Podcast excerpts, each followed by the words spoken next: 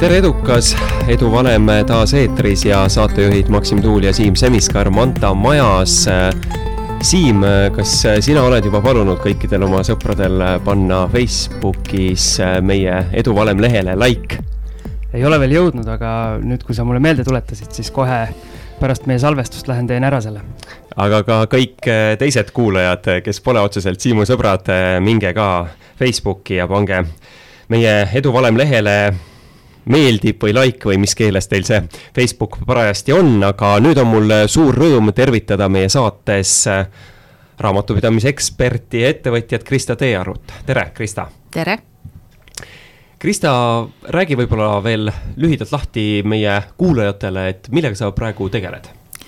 peamiselt ma tegelen praegu raamatupidamise ettevõtte Robi ja Bobi juhtimisega. aga ma kohe luban meie kuulajatele, et päris äh, raamatupidamise nõu me ei hakka siin kogu saade küsima, vaid äh, läheks äh, traditsiooniliselt meie külalise siis eluloo kallale, ehk siis kuidas sinu karjäär, töökarjäär üldse algas? peale keskkooli, ega mul väga head ettekujutust ei olnud, mida ma, mida ma teha tahan. üks oli kindel, et tahtsin minna ülikooli no ja siis äh, äh, kuna Tart-, Tartu ei olnud nagu minu jaoks mis, mingil põhjusel tollal valik, siis ma võtsin kõik Tallinna ülikoolide pakutavad erialad ette ja kriipsutasin nad äh, järjest läbi ja mingil põhjusel jäi järgi ainult Tehnikaülikooli automaatika. Ku, kuidas see ainult nüüd ma, ma, ausalt öeldes ma enam ei mäleta, aga ma mäletan, et see oli ainuke, ainuke variant, nii et mul ei olnud ka ühtegi back-up varianti sinna ma läksin. Ja, ja siis ei, see viis aastat oli väga tore, eriti kuna seal oli sada seitsekümmend poissi ja viis tüdrukut, siis äh, siis tähelepanu sai palju. just, ja üldse, üldse ei nurise, väga tore aeg oli. Mm.. aga umbes poole pealt sain aru, et äh, mingisugust väga tugevat äh, IT-inimest minust ei saa. puhtast joonist lõpetasin ära aga profileerusin ümber kin-, kindla-, kiiresti raamatupidamisele, mida, mis oli tollal hästi kõrgelt makstud eriala. Ja jõudsin järeldusele, et parem on olla äh, väga, väga hea raamatupidaja kui väga vilets progeja. Aga kas midagi sealt nagu külge ka jäi ikkagi sellest äh, absoluutselt, absoluutselt äh, range loogika ja noh, kuna, kuna see lõpetamine oli ikka päris suur töö, siis ka selline mm, kuidas ma ütlen, niisugune karm töökus. et kui on vaja, siis tuleb ära teha mm, iga, iga hinna eest, on ju. et see, see oli, see oli võib-olla kõige, kõige suuremad väärtused, mis sealt, mis sealt sai. aga esimene töö oli siis raamatupidamises, see oli? jah, raamatupidajana töötasin erastamisagentuuris, olin paar aastat, siis läksin, olin ühe talve audiitori assistent Deloittes, jõudsin järeldusele, see ei ole küll see, mida ma tahaks. ja siis äh, läksin, siis läksin pearaamatupidajaks mm,. olin mõned aastad Silmetiga seotud ettevõtetes äh, ja siis aastast, mis ta siis oli, kaks tuhat seitse siis Magnumis, suure, suure kontserni pearaamatupidaja. aga hakkasid justkui tegema, tegelema sellise asjaga võib-olla, mis ei olnud otseselt äh, sinu unistus või, või, või ka sa ei õppinud seda, aga siis hakkas nii meeldima, et jäidki selle ameti juurde? no vot, vaata see ongi see, et äh, et see on, raamatupidamine on igati loogiline ja kui sa äh, ise, isegi suhteliselt sõltumata erialast, väga tore on olla oma eriala tipp. siis sa saad kõige selle, kõige selle huvitavama osa. väga paljudel eri, erialadel on niimoodi, kui sa võid olla tippkokk ja see on väga-väga huvitav või tippjuuksur, samal ajal kui see tavaline kokatöö või juuksuritöö või raamatupidaja töö ei pruugi olla väga väga, väga huvitavad, et kui seal, kui sul õnnestub mingil erialal jõuda oma eriala top viie protsendi hulka, siis on see igal juhul päris huvitav aga see soov jõuda sinna tippu ja sinna kõrgema viie protsendi hulka, kas see tuli sul kohe algusest või see on nagu töö käigus? see tuli suhteliselt juhuslikult, kui, kui ma sinna raamatupidamisse kuidagi sattusin ja siis ma sain aru, et äh, seal, äh, seal on võimalik päris kiiresti üles liikuda, ma olin kahekümne seitsme aastane, ma olin suure ettevõtte pearaamatupidaja ja jah, jah, sealt, sealt, sealt ta ütleme, ütleme, et sealt ta tuli, et mitte, mitte nagu päris algul, see ei olnud, see ei olnud, see ei olnud nagu mingisugune teismelise unistus, aga mingil momendil sa saad aru, et eh, tipus on huvitav. ja siis äh, järjest teadmisi tuli juurde, oskusi ka, liikusid äh, järjest edasi, mis hetkel tuli pähe mõte, et peaks nagu hakkama oma asja tegema, oma ettevõtet looma? See oli kuskil no mitte päris kümme aastat tagasi, aga võib-olla noh, kuskil kümmekond aastat tagasi, kus oli nagu eh, see moment, mis jõuab kätte igale inimesele umbes, umbes kuskil seal neljakümnenda tuuris pluss-miinus midagi.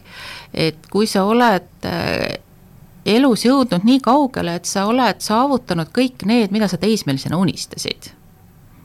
mingisugune, mingisugune elatustase ja mingisugune ja karjäär ja, ja pere ja ja siis sa mõtled, et aa, okei okay,, need on kõik tehtud, aga mis ma siis nagu ülejäänud poole eluga peale hakkan. ja siis on see koht, kus on enamustel inimestel eh, suuremal või väiksel määral eh, keskeakriis. ja minul väljendas ta siis niimoodi, et eh, mina, mina veetsin umbes aasta igasugustel enesearengu kursustel, testimistel, coach idel, mentoritel ja ma ei tea veel, mis asjadel ja siis ma jõudsin järeldusele, et äh, palgatöö ei ole ikkagi see, kus ma tahaks veel äh, elu lõpuni olla ja kuuekümne viie aastasena kepiga raamatupidajat taga torkida, et kas saab selle korda. just. aga selles mõttes, et erialaselt ikkagi oled jäänud nagu sama valdkonna juurde?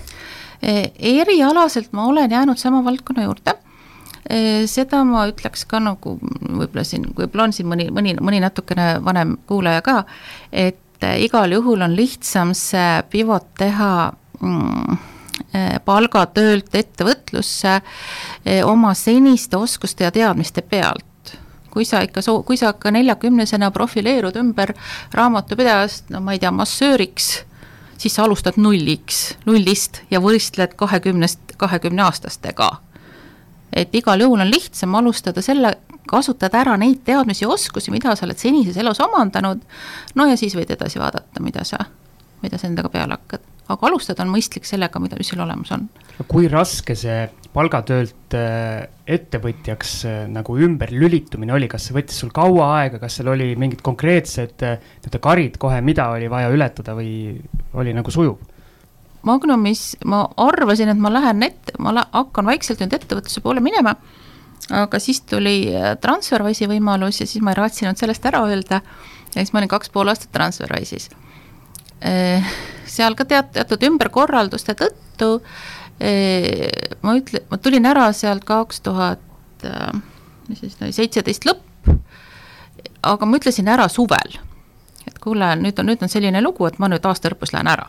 nii et ma ütlesin ette pool aastat ehk äh, muidugi mõte oli, mõte oli selles, et anda tööandjale aega, et kõik asjad ümber korraldada. tegelikult tagantjärgi mõelda oli see, et mul oli endal aega selle mõttega harjuda. et see oli ikka päri, päris äh, valus üleminek. Kuskil oli hea ütlus, et äh, igakuine palgatšekk on kõige suurem narkootikum et paljud ettevõtjad, nii-öelda ühemehefirmad või väikeettevõtjad alustavad niimoodi, et nad palgatöö kõrvalt vaikselt hakkavad nagu üles kerima seda oma asja mm, -hmm. et ma ja saan aru, sina, kas sa ei teinud seda? Tegin, mul oli äh, pilvebüroos, ma hakkasin äh, raamatuid e, e-raamatuid kirjutama, äh, oma meililisti kasvatama ja esimesi raamatupidajaid palkama juba ma arvan, see oli kaks tuhat viisteist ehk paar aastat enne. kaks tuhat seitseteist suvel ehk samal ajal, kui ma ütlesin, et ma tulen ära, e, viisin, e, leidsin endale äripartneri ja tege- ja viisime selle natuke nagu next level'ile ehk siis päris nii-öelda nullist sa ei, ei vahetanud ei. seda, aga oled sa oma töös e, ettevõtjatega näinud mõnda sellist olukorda, kus lõpetataksegi päevapealt näiteks palgatöö ära ja järgmisel päeval hakatakse nullist oma ettevõtet ehitama? kindlasti saab ka sedasi, pigem ikkagi on, pigem on ikkagi ta kuidagi sujuvam, sa vähendad oma töökoormust. Et sa ei tööta enam täiskohaga, sa ei töö, võtad poole kohaga, noh minul, minul seda, seda varianti ei olnud.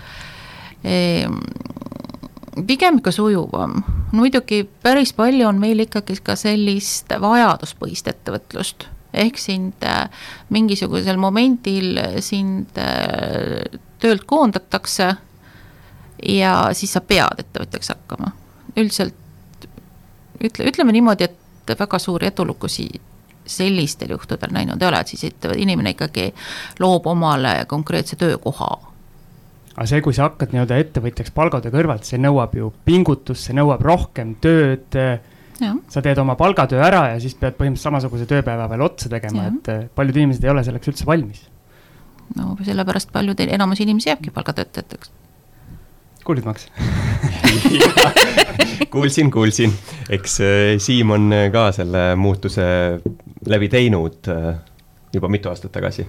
jah, ma neli, umbes neli aastat tagasi tegin sama, nii-öelda samasuguse lükke, aga mul oli juba see kõrvaltegevus äh, oluliselt kauem kestnud, et ühel hetkel nagu tundus mõttetu, kuna sissetulekud olid juba kõrvaltegevusest nagu suuremad kui palgatöölt, et siis oli lihtne see nii-öelda kaheksatunnine tööpäev ära jätta ja see panustada veel siis oma tegemistesse jah, mina olen seda sammu alles veel astumas, et kõrvaltegevused on käima pandud, aga palgatööst veel pole loobunud. aga kui oma ettevõtluse juurde, siis oma ettevõtte tegevuste juurde täis, täiskohaga siis võiks öelda, jõudsid, et millised on need tegevused olnud ja, ja kuidas on siis ettevõte kasvanud mm.? Robbie Bobi sai alguse kaks tuhat seitseteist suvel, siis tuli pilvebüroost üle kaks raamatupidajat ja kuukäive oli kuskil viis tuhat mis oli niimoodi tasa, tasapisi muuseas kokku kogunenud e,. oktoobri käive oli kolmkümmend seitse tuhat selle aasta oma, noh, viima-, viimase kuu käive ja e, raamatupidajaid on, just lugesin hommikul kokku, täiskohale taandatuna oli kümme ja, ja natukene mui-, muid toimetajaid ka juba juurde. ehk siis tänasel päeval sa tegelikult lisaks sellele, et oled nii-öelda raamatupidaja või raamatupidamisekspert siis, eh, ka oled organisatsiooni juht. Yeah.. et kui palju sellist, seda tegevust, ütleme siis reaalset eh, juhi meeskonna loomis, motiveerimis, tööle panemise tööd on? Eh, sellega ma praktiliselt tegelengi, päris sellise raamatupidamise debiti krediitiga ma tegelen võib-olla ma ei tea, viis protsenti ajast ja siis ka mingisugused klient, klientide mingid Äh, konsolideerimisküsimuste lahendamine või nagu sellised, aga noh, päris raamatupidamistööd ma ei ole päris, mitu aastat teinud. aga ma küsin vahele, kust tuli see Robbie ja Bobi äh, ettevõtte nimi? selle, selle me võtsime, selle me tellisime Velvetist. et lihtsalt mingi fancy, fancy nimi oleks, ei oleks mingisugune tädi ja kass ja raamatupidamine. Kui palju selle kohta küsitakse või kui palju see nii-öelda nii teeb meelde, teeb meelde, ta on niisugune mäh mm. -hmm ei ole sihuke iga, igav asi vähemalt. et ühesõnaga nii-öelda tasub ikkagi nagu nime kallal ka tööd teha. absoluutselt. ettevõttel on sihuke.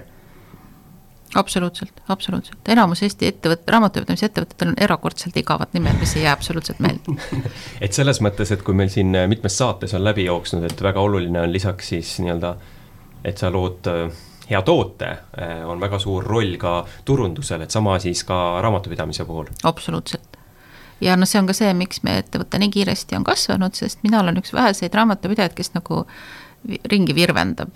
ma niimoodi kirjutan kuskile ja siis ma midagi, kuskil esinen midagi.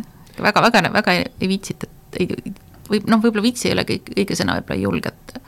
selle kirjutamise juurde ma just tahtsingi öelda, et äh, kui nii-öelda palgatööst äh, loobusid, äh, hakkasid ettevõtjaks, aga nüüd oled kirjutanud siin ähm, e-raamatuid päris palju, et kas on selline väike soov ikkagi mingi hetk, et passiivne sissetulek nii-öelda oleks see, mis äh, vähemalt võimaldaks, ma ei tea, võib-olla juba tegelikult võimaldaks ja lihtsalt äh, on soov nagu tegeleda ettevõttega või kas sa näed, et sa nagu elad põhimõtteliselt ikkagi passiivsest äh, sissetulekust tule, tulevikus ja võib-olla teed siis väiksemal määral midagi, mis ainult huvi pakub? E-raamatud toovad tänasel päeval täitsa rahulikult leiva lauale et selles, selles mõttes passiivne sissetulek on täiesti olemas. aga kas sellist nagu soovi sinna suunas veel tugevamalt liikuda, et võib-olla, et siis külluslikumalt elu see passiivne sissetulek äh, pakuks, kas sa nagu mõtled selles suunas, soovid liikuda või see oma ettevõttes töötamine äh, ongi selline mõnus ja rahulolu pakkuv, et tegelikult äh, sa ei soovigi, ütleme siis visata jalad seinale ja lihtsalt kodus istuda, et meil käis siin Madis Müür ühes saates ja tema ütles, et ta aastakese reisis ja tegi erinevaid asju, aga siis hakkas igav. no eks mul oli sama, et kui ma peale, peale töölt lahkumist, see esi, esimene aasta oli suhteliselt rahulik, noh, kirjut-, kirjutasin ja joonistasin ja, ja ei joonistanud, kirjutasin et äh, kui see, kui see on, kui see on nagu palgatöötaja, palgatöötaja õpetajana ma mäletan, minu suurim unistus oli see, et ma saaks, saaks kuu aega kuskil äh, valge liiva peal vedeleda. aga kui nagu oma ettevõtlus äh, joonele saab, sa, noh, see on nagu nii huvitav, sa tegeled sellise järjest enam asjadega, mida sa tahad ja mida sa ei ole varem teinud. Ehk äh, kogu noh, mida roh-, mida kogu see turunduse pool äh,, kogu ettevõtte juhtimise poole, et noh, see on, see on, see on nagu pidev nagu edasiareng. ja ma palkasin omale juhtimiscoach'i ja siis ma ütlesin talle, mul on niisugune tunne, mu seljanahk rebeneb, noh, et sa pead nagu pidev, noh, sa pead pidevalt tegema nagu asju, mis on sinu mugavustsoonist väljas. aga samas ta on nagu hästi huvitav rääkides sellest, et sa kogu aeg võtad sõna ja käid esinemas ja räägid, et põhimõtteliselt mina olen näinud sind igal pool nendes finantsvabaduse gruppides ja seal Discordides ja igal pool äh, vastad kogu aeg küsimustele, kas see on üks osa turundusest, mis on, sisuliselt see tuleb ju nii-öelda nullkuluga kätte, sa pead lihtsalt oma aega panustama. Kas sinule toob see nagu turundusena tagasi, et sa annad inimestele nõu ja kui neil on mingi suurem probleem, siis nad nagu pöörduvad ka sinu poole? absoluutselt, aga, aga ma, kui ma nüüd päris ausalt olen, siis ma sain, ma sain sellest aru, et see on turundus ikka päris mitu aastat tagasi, päris mitu aastat hiljem mm. -hmm ja, ja see, et kui ma saan inimesega kokku ja selgitan välja, mis tal, mis tal probleem on ja siis pakun omapoolse lahenduse, et see on müük, sellest ma sain ka mitu aastat hiljem alles aru. ühesõnaga, et noh, see on see, kui sa hüppad nagu asjadesse sisse, pluss sa mitte midagi ei tea, on ju.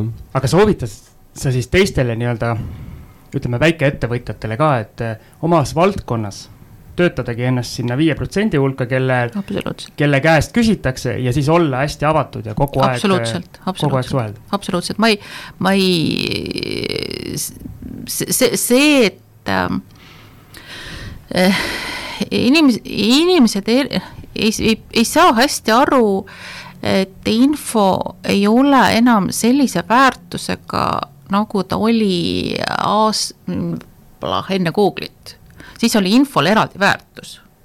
siis oli vahepeal periood, kus infol ei olnud eriti väärtust, no ütleme üheksakümmend viis kuni kaks tuhat kümme, võib natuke veel. Siis oli Google'i infomaht nagu hallatav. Viimased vähemalt viis aastat, võib-olla rohkem, on see maht nii suur, et et sa reaalselt ise enam vastuseid ei leia, Google, sul on küll Google olemas, sa võid olla väga osav guugeldada, guugelda, guugeldaja, kasutada erinevaid parameetreid, asju, aga sa ei leia enam vastuseid, neid vastuseid liiga palju, sa ei suuda neid võrrelda. ja vastavalt on jälle tänasel päeval läinud äh, hinda äh, ma ei tea, kuidas seda peaks nimetada, infokuraatorid. ühesõnaga see, kes otsib vajalikud see, kes teab, ma mhm. tean, ma hoian ennast selle valdkonnaga kursis ja ma suudan ära filtreerida, mis õige asi on. vot igasugused membership'id on viimasel ajal nagu noh, ma ütlen viis, viis-kümme aastat kuskil hästi-hästi popiks läinud, need on täpselt samamoodi, ta on info kureerimise koht. ma lähen sinna, ma maksan see mõnikümmend eurot oma kuutasu ära, ma tean, et mul on selles, see valdkond kaetud. mul on seal mingid koolitused, mul on seal mingid foorumid, ma saan alati küsida ja aga mu, mulle nagu tundub, et äh, inimestel on ikkagi see nii-öelda mõte peas, et kui ma nüüd nii-öelda tasuta oma seda infot või oma tarkust välja annan, et siis mul jääb nagu hiljem see klient tulemata ja mul jääb see nii-öelda käive endale tekitamata. see on nagu, see on nagu hästi rumal ja lühinägelik lähenemine. et kui sa annad tasuta see, see tõestab seda ja, ja see tõestab, see, sa tõestad selle inimese jaoks ära oma kompetentsuse ja oma suhtlemisvõimekuse. eestlane üldiselt ei taha väga palju rääkida, mida ta inim-, teistest inimestest arvab. Inglisekeelne rahvas on natukene avatum ja siis, kui ma seal võtsin ükskord paar tundi ja kaevasin, meil on olemas selline Facebooki grupp nagu e-residendid. Ja siis ma seal paar tundi kaevasin, vaatasin, mida nemad arvavad raamatupidajatest. ja kuidas valitakse raamatupidajat, selle järgi, kuidas ta suhtleb. Kas, kas, kas, kas ma olen temast midagi kuulnud, kas ta vastab küsimustele, kas ta suudab minuga rääkida, ainult selle järgi sa ei suuda absoluutselt hinnata inimese tegelikku professionaalsust, okei okay,, võid vaadata tema LinkedIni profiili, vaadata, kas tal on mingisugused eksamid, kas tal, mis koolid on ta läbinud, läbinud, reaalselt sa ei suuda tema taset hinnata, sa ei valda seda, vasta, sa ei tunne seda valdkonda. ja siis sa lähtudki po-, nii-öelda pakendist. kui, kui kätte, kui kättesaadav või noh, lähenetav ta on ja seda vist saab, saab üle kanda päris paljudele nii-öelda teistele valdkondadele. absoluutselt ma mäletan ise, kui mul tüdruk oli väike, äh, käisime arsti juures, kes käitus äärmiselt järsult ja minu jaoks tollal hästi ebameeldivalt. ja ta, tagantjärgi ma tean, see, mida ta rääkis, oli õige, aga kuna ta serveeris seda nii ebameeldival viisil, siis ma ei suutnud seda nõuannet aktsepteerida ja ma siunasin täiesti rõõmsalt teda kõigile, kes kuul-, kes vähegi kuulda tahtsid, et ärge jumala eest selle arsti juurde küll minge. see on nagu ehe näide sellest, et jutt oli õige, pakend oli väga vale ja tänu sellele nõuanne kohale ei jõudnud kusjuures äh, arstidega on endalgi olnud päris palju selliseid kogemusi, et äh, eks nad on oma ala spetsialistid küll, aga suhtlemine jätab soovida tihtipeale ja eks siin on, eks see on Eestis nii mõningi, mõni, mõnelgi erialal on see sama teema aga ma tuleks korraks veel tagasi selle juurde, kui rääkisime siin palgatööst loobumisest, ettevõtlusest, passiivsest sissetulekust, et ma kõigepealt küsin Krista käest, siis saab Siim ka kommenteerida ettevõtjana. et räägitakse just nagu ka mainisid, et palgatööl olles unistatakse valgel liival puhkamisest kuu aega ja siis mõeldakse, et aga nüüd, kui ma olen ettevõtjaks, et siis mul on nagu nii palju vabadust, siis ma saan ükskõik millal minna. aga tihtipeale lõpeb see sellega, et äh, kas on lihtsalt nii palju tööd, et ei jõuagi kuhugi minna, kogu aeg tuleb üles töötada, edasi töötada või minnakse sinna nii sisse ära, on ka huvi loomulikult, aga, aga et unustatakse ära, et vahepeal peab puhkama, pluss siis on ka see, et ise oled ettevõtja, siis äh, noh, nii-öelda puhkuserahasid kuskilt muust äh, ettevõttest või muust fondist ei ole, kui su enda teenitu arvelt, et et siis jääbki nagu puhkamata, et, et kuidas sa ise oled tunnetanud ettevõtjana seda, oled ikka puhanud? see on üks põhjus, miks käiakse välismaistel puhkusereisidel. et ähm, ma ei saanud sellest nagu varem, palgatöötajana ma ei saanud väga aru, et vaata, kus kuradi pursuid siin käivad neli korda aastas kuskil reisimas, on ju. aga kui sul on äh, reis book itud sa tead, et sa sõidad sel kuupäeval ära, noh siis sa lihtsalt, ja sul on see makstud ka, noh siis sa lihtsalt sõidad ära. ja kui sa ikka oled kuskil äh, kaugemal, siis ega sind väga keegi kätte ka ei saa ja siis seda nagu aktsepteeritakse. kui sa oled lihtsalt kodus, noh siis sa, seda piiri tõmmata on nagu väga-väga keeruline. Siim, oled reisimas käinud viimastel aastatel, minu, minu arust ei ole ei ole. minul on, või ma olen nagu sellepärast halb vastaja, et ma ei saa ennast päris nagu ettevõtjaks võib-olla nimetada, mina lõin endale ise töökoha, et see on natuke teine asi, et mul need süsteemid vajavad veel kõvasti nii-öelda lihvimist, et ma saaks ühel hetkel minna ja lihtsalt ära sõita, et sinna läheb aega veel. selge, aga see ongi nüüd sobiv koht teha meie esimene paus ja me jätkame saatega ning nüüd, äh, Krista, tuleb meie külalise jaoks kõige raskem osa, nimelt välkküsimuste voor, vastata tuleb silmapilkselt ja nagu Siim ütleb, siis üks on õige ja teine täiesti vale vastus, oled valmis? ikka. nii, hakkame pihta, kas kontor või kaugtöö? mõlemad. ettevõtlus või investeerimine? mõlemad. kas teebet või kreedit? mõlemad, need käivad, need käivad igal juhul paarist, neid ei saa eristada kas Joe Biden või Donald Trump? Biden. euro või dollar? dollar. kas kinnisvara või aktsiad eh.? tahaks öelda mõlemad, aga pigem aktsiad. kas Raadio Elmar või Power Hit Radio? ei kumbki. toidupoodi minek või kulleriga koju? kuller. raha või kuulsus? raha Riia või Stockholm? Stockholm. koerad või kassid? kassid. esmaspäev või reede? esmaspäev. ma haaraks kinni sellest kinnisvara või aktsiad, et äh, võib-olla isegi mitte nii palju äh, sellest vastusest, vaid äh, oleks hea võimalus ära küsida, et milline on üldse sinu investeerimisportfell, kui palju sa investeerid? meil on mm, kinnisvara, paar korterit ja metsa. Ma arvan, et kinnis, kinnisvarast, kinnisvarast nagu aitab. igasugused sambad on indeksites. ma arvan, et indeksitest ka aitab. osalused on eeskätt minu omad ettevõtted, mingi näpuotsaga on, on midagi muud. ma ei ole, mind on aastaid nagu huvitanud äh, üksikaktsiate ostmine, aga seal on probleem, e, probleemiks on see, et ühelt poolt e, Eesti ettevõtetest sa tead natuke liiga palju siseinfot. Ja e, välismaiste kohta siin häirib jälle see, et sa ei tea seda siseinfot ehk oleme nüüd ühe tüdrukuga viimased äh, paar kuud äh, teinud sellist projekti, et igal reede hommikul istume tund aega maas, analüüsime paari lähikonna ettevõtet. võtame kõik numbrid ette, vaatame bilansid, suhtarvud, äh, kõik asjad üle. et see on nagu andnud mingisuguse natukene tugevama tunde, sest minu jaoks oli aktsiate osas eh, võib-olla, võib-olla kõige mm, olulisem asi, kui ma käisin ühel Märt Engressi koolitusel ja siis ta ütles sellise asja, mis lõi minu jaoks pildi nagu selgemaks, et iga et, aktsia ostmisel sa pead tegema kaks otsust, mida sa ostad ja millal sa ostad, need on kaks täiesti eri asja. Ehk kui sa suudad enda jaoks välja valida need ettevõtted, mis sisuliselt sinu jaoks on okeid ja siis paned omale need watch list'i ja siis sa ostad, kui sobiv moment ette tuleb. et see oli minu jaoks nagu see moment, mis vabastas mind selle ploki tagant ära, et miks ma ei olnud sinnani kunagi üksikaktsiaid ostnud. aga euro või dollar, mõtlesid tükk aega ja valisid dollari?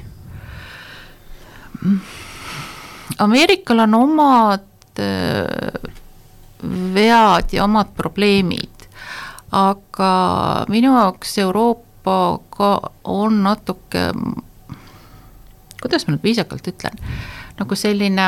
ega ei pea viisakas olema ja siis pärast keegi jälle kuulab ja tuleb kommenteerima, ehk äh, Euroopa on minu jaoks natuke liiga sotsialistlik.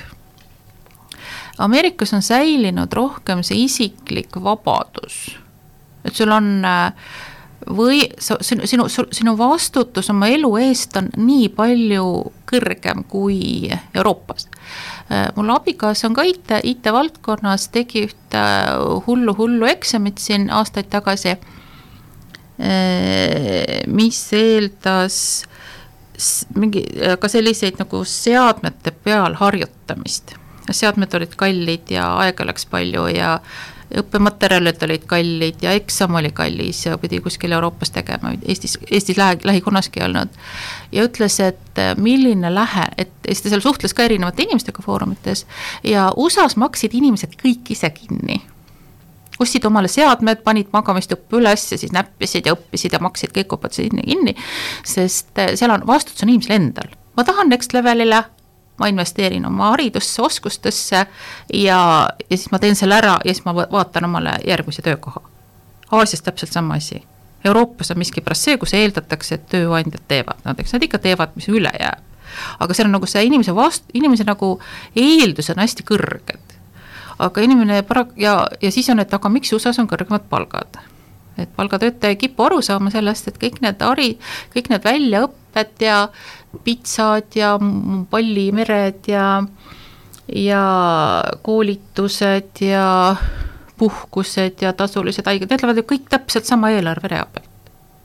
mida rohkem on seda, mida oh, rohkem on seda muud mudru, seda vähem sa saad inimesele tegelikult palka maksta. rääkisin hiljuti tuttavatega, kes teevad IT-arendust, endised transfervasikad. Neil on kamba peal üks ettevõte, mis tegeleb, mis on põhiliselt nagu müügi, müügiorganisatsioon.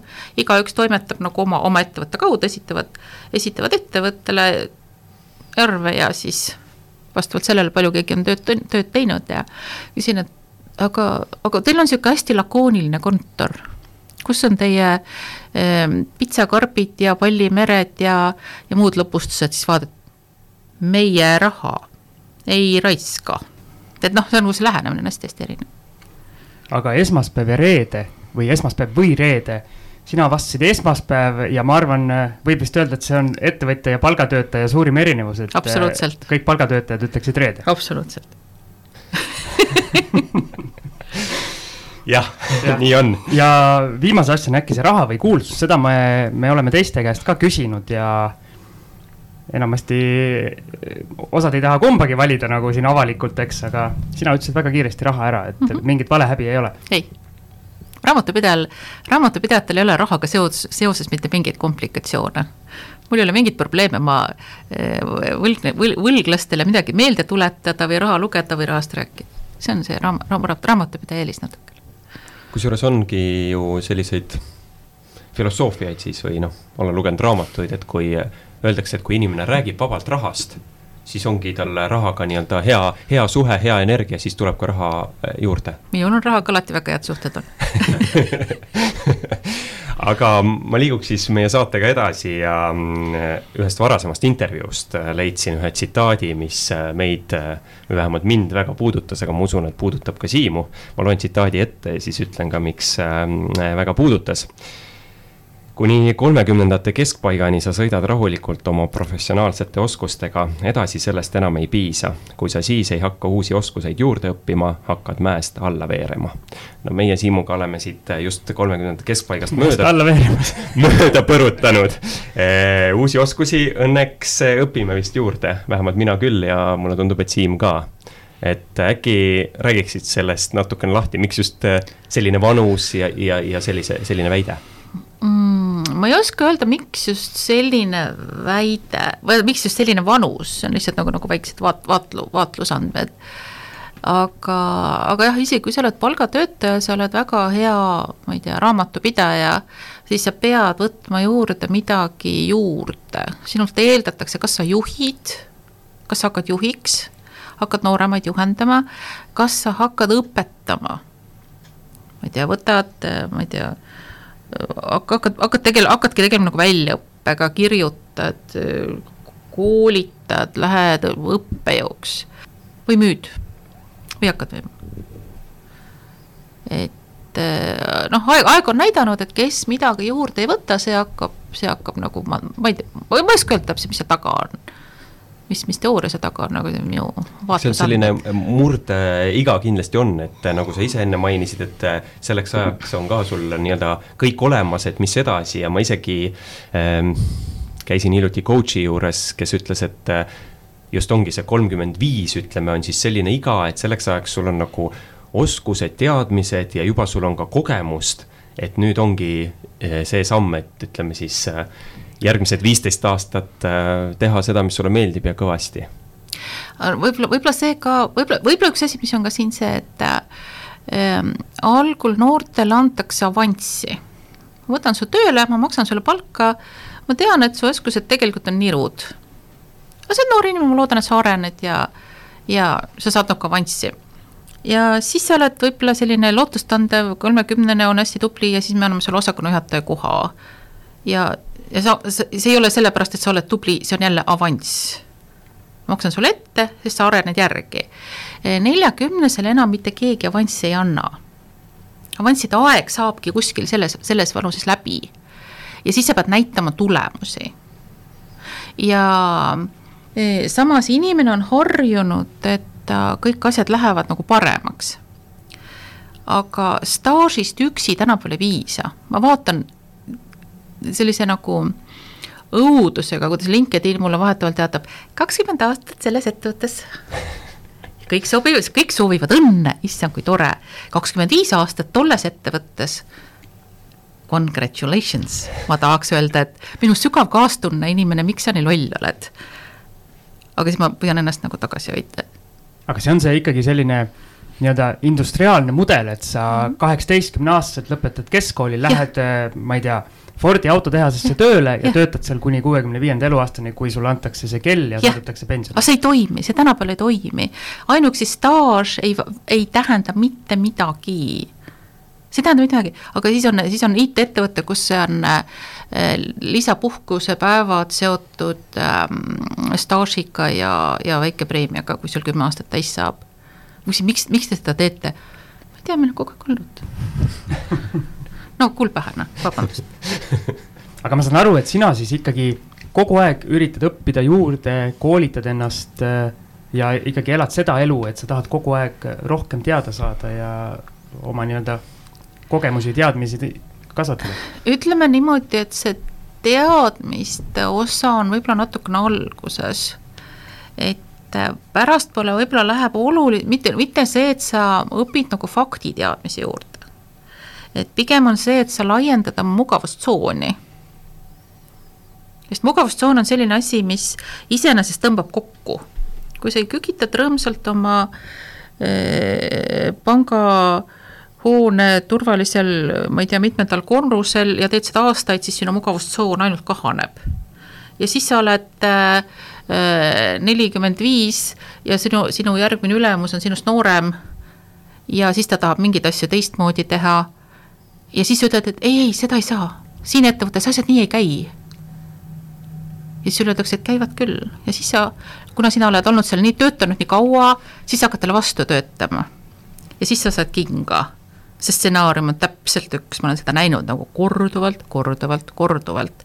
ja siis sa oled neljakümne viie aastane, sa oled viimased, töötanud ainult ühes töökohas viimased kakskümmend, kakskümmend viis aastat. ja siis sa avastad, et, et sinu töö, väärtus tööjõuturul on väga madal. ja siis sa hakkad karjuma kõigile, kes kuulda tahavad, et tegemist on vanusele diskri-, vanuselise diskrimineerimisega ja siis sa järgmise, kui ja siis sa oled tükk aega töötu ja maabud mingisugusele eh, senisest märksa madalamale eh, positsioonile sest sinu mugavustsoon, sa, sa, sinu, sinu oskused on degenereerunud ainult ühe tööandjale sobivaks. sul on nagu, see, see, sul, sul ei ole nagu, sinu mugavustsoon on nii väike, sa ei ole tükk aega mitte midagi väljaspool teinud. et see on nagu päris hirmus ma olen seda nagu mitu korda näinud. Max, see on nii puhas kuld, mis siit tuli, et äh, ma tõesti loodan, et äh, vähemalt üks, äh, üks meie saate kuulajagi, et teda paneb see asi mõtlema ja võib-olla võtab midagi ette no üks kuulaja on siin Kristast teisel pool lauda Ennast pead silmas, ma noh, sul on, sul on veel aega. aga selles mõttes on õiged sõnad ja ütleme, selle mugavustsoonist väljatuleku osas äh, ka loogilised ja meie saadetes ka enne kuuldud. Äh, ei no nii ausalt ja nii otse nagu öeldi praegu äh, nagu tegelikult ära, et. Äh, ja, ja üks huvitav asi mugavustsooniga on see, et kui inimene kü-, inimesed, mina ei tea, ma olen, ma olen miskipärast, inimesed tuleb minu käest nõu küsima. ja, ja siis ma varem ei osanud talle öelda, et mida sa nagu tegema peaksid, kui sa tunned, et asi on nagu kehvasti, aga mida sa nagu teed?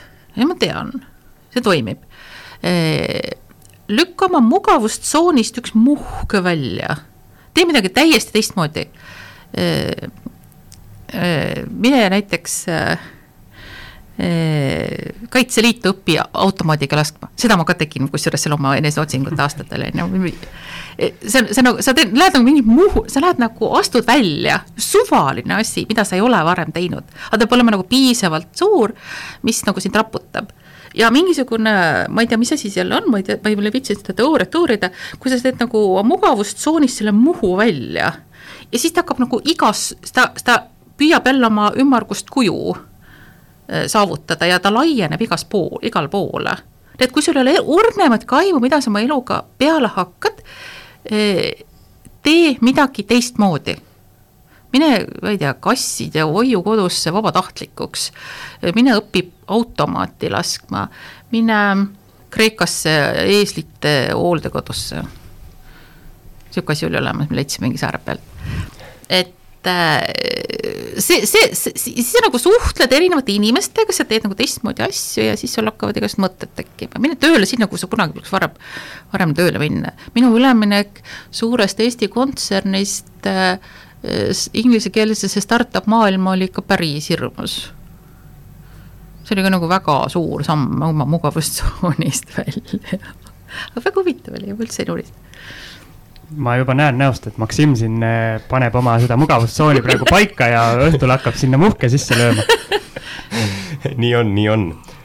aga et veel ütleme siin eh, võib-olla siis kokku tõmmata see mm, õppimis ja, ja enda arendamise teema, et eh, sul on lausa kolm magistrikraadi, ma vaatasin kuskilt LinkedInist, ma arvan. et mis sind on nagu ikkagi ajendanud just sellist nagu akadeemilist teed taas, taas ja taas siis käima? ja mis erialad need üldse on? esimene oli IT, siis, siis ma õppisin juurat, sellepärast et selgus, et, et raamatupidamises on mingi ports asju, mis jäävad nagu juura ja finantsi vahepeale, igasugused omakapitalid ja maksud näiteks. ja siis need äh, tavalised ettevõtte juristid ei tahtnud mulle selle kohta midagi arvata. noh, nüüd ma läksin, õppisin juurat. ja siis, äh, siis ma tegin äh, selle nagu MBA ka veel peale, et nagu sihuke üld, üldine juhtimise teema. ja siis ma avastasin, et mul ei ole raamatupidamisharidust üldse. ja siis ma tegin Inglismaal ühe selle nagu sihukese rahvusvahelise ACC-s ja kui see on nagu hästi-hästi high level'is, et. Aga miks seda nagu vaja on, et see on nagu eh, kuidas, üks hästi-hästi hea ütlus on, et eh, kui sa mitte midagi oma eluga ette ei võta, siis sa oled aasta pärast täpselt samal kohal, kus täna, eeldusel, et sul veab. sest asjad iseenesest lähevad ainult kehvemaks, see entroopia seadus ja see on nagu inimese enda isiklik vastutus on midagi ette võtta, mitte kedagi teist ei huvita. mitte kedagi teist ei huvita, sinu tööandja võttis su tööle selleks, et sa täidaksid seda rolli. kui sa tahad midagi rohkemat, siis sa pead ise midagi ette võtma, et sa saaksid nagu next level peal. või nagu NLP-lased ütlevad, et äh, inimesel on valida, kas sa oled puuleht või kala äh, jõgi viib puulehe sinna, kuhu jõgi tahab ja ta ei pea selleks tõepoolest grammigi pingutama. kala ujub sinna, kuhu ta tahab, ta peab jah, selleks natukene tööd tegema, eh, aga kala jõua, lõpuks jõuab oma eesmärgini, mitte jõe eesmärgini. Siim, kumb sa tahaks olla Lähme edasi enne sa rääkisid natuke sellest Euroopast ja sotsialismist ja sellest poolest, et kas sind ajab nagu vihale ka, et tegelikult ju olgem ausad, suur osa inimesi on just need puulehed ja nad ei tahagi olla mitte midagi muud, aga samas nad on äh, ikkagi kohati väga häälekad, äh, nõudmaks, äh, et neile ikkagi antaks mingeid võimalusi ja hüvesid ja kõike, et kas sind ajab selline suhtumine või mõtlemine vihale või, või sa lihtsalt vaatad, et las nad olla ja nii-öelda tegeled nii-öelda enesearengu ja oma asjaga? Ma olen, mind ajas see kunagi vihale. aga ajapikku ma olen õppinud aktsepteerima, et äh, inimesed ongi erinevad. ja iga, iga inimesel on võimalus valida, mida tema oma eluga peale hakkab ja siis ka kõiki sellega kaasnevaid tagajärgi kanda et kui sinu soov on olla puuleht, siis jumala eest las ole siis. igal inimesel on õigus mingeid asju küsida, aga see, kelle käest küsitakse, on alati õigus seda ka öelda ei. ei ütlemine on täpselt samamoodi asi, mis tuleb elus ära õppida aga kui seda nii-öelda metafoori jätkata, siis kui neid puulehti on seal jões väga palju, siis nad võivad ju ummistada selle kalaliikumistee ka lõpuks nii-öelda kambakesi ära, et noh, vot selle, see läheb mingisuguse ka, ka, ka suurema filosoofia peale, aga niimoodi praktilisest vaatevinklist vaadatuna minu meelest tuleb meil hästi äge äh, põlvkond nüüd peale. kes on siuksed kakskümmend, kakskümmend, kakskümmend kolm, see, see põlvkond on nagu hästi-hästi kihvt, kes tuleb. ja lisaks on see, et äh, kui vara, vana, vanast, varem meil oli nagu Skype, kes tootis äh, kelle, kelle mõjuringid läksid nagu ettevõtlusesse laiali, sealt tuli päris mitu head ettevõtet, sealhulgas Transferwise. Aga nüüd on Transferwise selline. ma juba näen, meil on juba Slack, Transferwise'i alumni Slacki grupp ja ma näen, mida inimesed teevad ja see on nagu lihtsalt nagu nii äge. see on noh, lihtsalt nagu nii äge, et, et mina loodan sellele, et see noorem põlvkond, mis peale tuleb, on ikkagi noh, minu, minu, minu meelest nad on noh, võib-olla palju ettevõtlikumad. et noh, see on, see on jälle muidugi jälle see klaastor nii pajas, et sa otsustad jälle sellega, selle, selle najal, kellega sa suhtled, aga lihtsalt, aga see on lihtsalt hästi-hästi kihvtmiselt. et noorus ei ole hukas? ei ole mingi osa on, aga, aga ma arvan, et mingi, ma arvan, et väga palju on neid, kes on nagu väga tublid. aga teemegi siis siinkohal veel ühe pausi ja hakkame siis vaikselt saadet kokku võtma ja me jätkame vestlust siin Manta majas ning Krista, olen küsinud viimaste külaliste käest äh, seda küsimust, et mis on nende edu alus, edu valem, mis on neid toonud tänasesse päeva, mm, sellesse positsiooni, kus nad on. et kuidas äh, sina vastaksid sellele? inimesed ülehindavad seda, mida ta jõuab teha aastaga ja sa alahindad, mida sa jõuad teha kümne aastaga. ja mingisugune veider esoteerika on ka lahti läinud, et ma nüüd istun nurka maha ja siis mina kujutan endale elavalt ette, kuidas minuni voolab raha. et kahjuks see ei tööta, et ikkagi tuleb plaani seada, tuleb ja tuleb reaalselt tööd teha järje, järje ja kui sa ikka järjekindlalt kogu aeg toimetad, siis ikka lähed edasi küll. ja kindlasti asjad, mis toimivad, on igasugused mastermind'i grupid, mida ma ei suuda piisavalt äh, kiita ja reklaamida ja, ja muidugi ka head coach'id. mitmes mastermind grupis sina ise aktiivselt osaled? täna kahes aga läb-, ma, ma arvan, et ma viimased kümme aastat nagu pidevalt mingis ühes kohas olnud mida see sulle annab või äh, kas see on see, see moment, et näiteks nagu nii-öelda spordis, et kui sa ütled oma nii-öelda eesmärgid kõva häälega välja, siis sul on nii-öelda mingi kõrvaline motivaator ka, et äh, sa oled nagu teistele öelnud, mida sa tahad saavutada ja siis see sunnib sind rohkem tegutsema. ja see kindlasti ja teine ka see, et sul tekib ikkagi mingi selline natukene kollektiivne aju ka. aa, kuule, ma just, ma just selle asja nagu tegin läbi. et ta peab olema, ta ei saa, noh ma tean, et mastermind'i gruppi tehakse ka nüüd hästi suvalistest inimestest, aga need kaks on nagu hästi konkreetsed, et sul on nagu sarnased valdkonnad. et sa nagu lisaks sellele, et sa oled nagu see accountability body, et sa jagad ka oma kogemusi ja osk-, teadmisi. et see ka lisaks. Maks, mitmes mastermind grupis sina oled? kahjuks mitte üheski vot see on küll asi, mida ma soovitan, absoluutselt. leiaks vaid mingi grupi kuskilt aga.... pane ise kokku, hõikad Facebookis välja, minu eesmärk on selline, otsin viit inimest, kellele sobib. Käia koos Manta majas kolmapäeva õhtul kell kuus. That's it.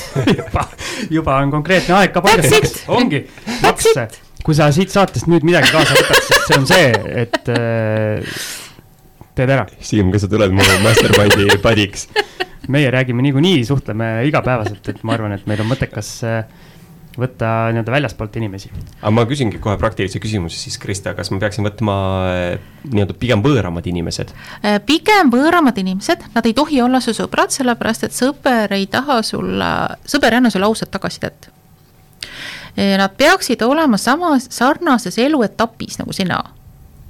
ehk tahaks, tahan loobuda palgatööst järgmise aasta jooksul selleks mul on vaja oma ettevõtte, ma ei tea, mida, mida iganes ära teha. et on sama, seal on sarnased eesmärgid sarnases eluetapis. selge, jätan meelde. aga ma läheks natuke saatega ka edasi, muidu siin kuulajad äh, ainult mõtlevad minuga kaasa mina ütlen, minuga liituda. ja, ja mina ütlen, et äh, kes tahaks Maxi Mastermind gruppi, siis äh, otsige, võtke esimene samm ja otsige tema kontaktid üles, isiklikud kontaktid ja siis Max näeb, et teil on tõsi taga ja siis okei okay,, ma annan loa, et äh, tõepoolest, äh, kellel tekkis idee ja arvas, et äh, võiks minuga teha ühe mastermind grupi, siis võite mulle kirjutada, äkki siit siis. siit hakkab suuri asju juhtuma veel. ei, see oli, ma mäletan, mul oli kõige esimene mastermind'i grupp oli ja käisime aasta aega koos ja siis oli ka ettevõtlusega alustamine. ja siis oli kevad, kevadel tegime siis, teeme siis kokku, kokkuvõtte, kes mida ära teinud on. Ja see nimekiri, mis sealt tuli, oli täiesti nagu aukartust äratav. kes oli töölt ära tulnud, kellel oli ettevõte, kellel esimene töötaja, noh, nagu ühe talvega sellised asjad äratas, see oli nagu vau. ja, ja siis ma hakkasin ühes seltskonnas seda juttu rääkima see oli nagu niisugune sugu, sugulaste seltskond. ja siis ma sain viimasel sekundil oma suu kinni pandud, sest nende inimeste elus ei olnud viimase aastaga muutunud absoluutselt mitte midagi. See oli ka niisugune vau-moment, mis nagu elus, elus meelde jääb. minul on äh, nii-öelda mastermind gruppidega üks selline, võib vist öelda natukene nii-öelda negatiivne kogemus ka, et äh, sai, äh, mitte minu poolt, aga ühesõnaga mind kutsuti ühte gruppi ja esimene kord saime kokku, oli hästi põnev aga seal ilmselt saatuslikuks sai see, et väga erineva tasemega inimesed olid ja me vist ühe korra saime veel kokku ja pärast seda see nii-öelda mandus täielikult ära, et need, just need eesmärkide vahed, kes kuhu tahab ja, jõuda, need olid ja. nagu hästi suured. et see, see on, see on jah, et peavad olema samal, sarnasel tasemel ja sarnaste eesmärkidega ja sarnases eluetapis. ei sobi kokku kahjuks äh, kahe väikelapsega ema ja pensionär see noh, no lihtsalt eluetapid on erinevad, vajadused on erinevad, noh, kõik, kõik on erinevad, sarnased, sarnased, peavad olema piisavalt sarnased. Mainisid enne, et selline äh, nurgas istumine ja visualiseerimine ei pruugi kõik, mida soovid, kohale tuua ja ütlesid, et äh, tuleb ikkagi äh, teha tegevusi, planeerida seda, kuidas sa ise eesmärke sead, kui pikki, millised vaheetapid? mul on äh kolme aasta eesmärgid ja siis kaugemale tänapäeval ma, ma ei kujuta ette, kes, kes nagu mõelda jaksab. no mingisugune väga kauge visioon on ka, aga täpsemalt on kolme aasta eesmärgid ja siis ma teen kvartaalset planeerimist. kvartal on nagu selline pla-, selline, selline äh, vaade, kus sa suudad nagu suhteliselt hästi nagu näha, et okei okay,, no kolm kuud, siis ma suudan need, need, need asjad täna ära teha. ja siis on nädalaplaan, et äh, iga päev õhtul istun maha, mõt-, vaatan üle oma kalendri, mis mul on ja mida, mida ma nagu pea, pean kindlasti see nädal ära tegema. Aga kuidas sa sead äh, sinna juurde, ütleme siis mõõdikuid, et kas need on pigem sellised äh, ambitsioonikad? Ehk siis raskelt kättesaadavad või paned äh, sellised äh, realistlikud? no ta ikka, ta on ikkagi, ta on ikka sihuke stretch, stretching piisavalt stretching asjad, aga ta ei ole ka nagu selline noh, sest eesmärk ei ole nagu dream, ta ei ole nagu unistus, eesmärk peab olema nagu pingutusega saavutatav. aga siis kohe järelküsimus on see, et kui sa ei saavuta oma eesmärki, kuidas sa siis sellesse suhtud, milliseid korrektuure teed, kas siis no, järgmises kvartalis tuleb rohkem pingutada, eh, nutad patja, mis on reaktsioonid? seal ikka nutad, teed, et nad vaata, vaatad oma plaanid üle ja teed natuke rohkem tööd, noh aga minul üks küsimus, eh, mis tegelikult jäi võib-olla esimeses plokis küsimata just selle raamatupidamise valdkonna kohta, et eh, ma olen näinud, et eh, kui ma nüüd ei eksi, siis sinu eeldus või arvamus on, et ühel hetkel raamatupidamine on valdkond, mis automatiseeritakse. absoluutselt. et millal see juhtub, kui kaua veel kõikidel nendel raamatupidajatel tööd on, kes ei taha siis seda nii-öelda järgmist sammu teha kuskil edasi eh,? Eh, raamatupidajate keskmine vanus on päris kõrge nii et sealt otsast läheb, läheb äh, lähemal kümnendil päris palju pensionile. ehk ma arvan, et sellist asja ja kümme aastat on ka see perspektiiv, kus äh, äh, kus see automatiseerimine jõuab nagu järgmisele tasemele. Ehk ma ei arva, et siin nagu massiliselt raamatupidajad tegelikult üle jääb, ma arvan, et vanem, vanem generatsioon läheb pensionile ja noor, noored vaikselt, kes, kus profileerub ümber aga mida see siis tähendab, nii-öelda tähendab ühele keskmisele raamatupidajale, kuidas see töö iseloom muutub, mis automatiseeritakse, mis nagu jääb nii-öelda inimesele? E, noh, andmesisestajaid raamatupidajaid on juba väga palju tegelikult aegade jooksul üle jäänud. E, ja tänased need, kes ikkagi veel mm, tegelevad rohkem andmesisestamisega, nemad profileeruvad järjest rohkem üle, ümber andmete kontrollijaks sest noh, siin oli veel, ma toon seda näite, et äh, kakskümmend aastat tagasi mina noore raamatupidajana oli vaja teha kümme ülekannet. maks-, arv, kümme arvet maksta, mis sa tegid, sa võtsid äh, lauanurgalt paberist selle maksekorralduse, täitsid selle ära, võtsid ülemuselt allkirja ja vantsisid panka. ajakulu oli no paar tundi. kümme aastat tagasi oli olemas internetipank, kus sa siis äh, võtsid, võtsid selle paberarve, paremal juhul oli PDF juba Äh, siis sa, siis sa äh, sisestasid internetipanka need andmed ja ütlesid ülemusele, ole ja kinnita ära. ajakulu, no ütleme kakskümmend minutit. täna sa võtad ähm, programmis tšikk-tširik ja saada, saadad selle faili sinna ja ülemus juba teab, et vaata, kolmapäeva hommikul tuleb arveid kinnitada. ajakulu on võib-olla kaks minutit. Kahekümne aastaga on saanud kahest tunnist kaks minutit, vaikselt niimoodi, tõesti, täiesti märkamatult, ehk see Äh, automatiseerimine on juba tegelikult päris palju toibunud järgmine küsimus on see, millal see next level tuleb. no minu, minu prognoos on kuskil viiekümne aasta kandis. kiiremini vaevalt, aga kindlasti ka mitte kaua. ja kui sa tahad raamatupidajana ennast nii-öelda kuulikindlaks muuta, siis tuleb tõusta sinna viie protsendi hulka, kes lahendab keerulisi probleeme, millega arvuti ilmselt hakkama ei saa. Kui sa suudad ennast sinna kahekümne protsendi hulka nihverdada on ka väga hea ja selleks paluks, palun mine õpi IT-d. jälle ja. konkreetne soovitus. absoluutselt. väga konkreetne saade on meil olnud, aga ma arvan, et äh, tasapisi olemegi jõudnud äh, lõpufaasi. kuigi ma korra juba nagu küsisin, et äh, mis on olnud sinu eduvalem, siis ma ikkagi lõpetuseks küsiks veel meie saate nimest lähtuvalt, et mida sa pead ikkagi edu tööalase karjääri edu kõige tähtsamateks äh, komponentideks? Äh, võta vastutus ja tee tööd nii lihtne absoluutselt. selge, äh, võtan vastutuse, hakkan tööle. Siim, kuidas sinuga? jah igal juhul aitäh, Krista, saatesse tulemast.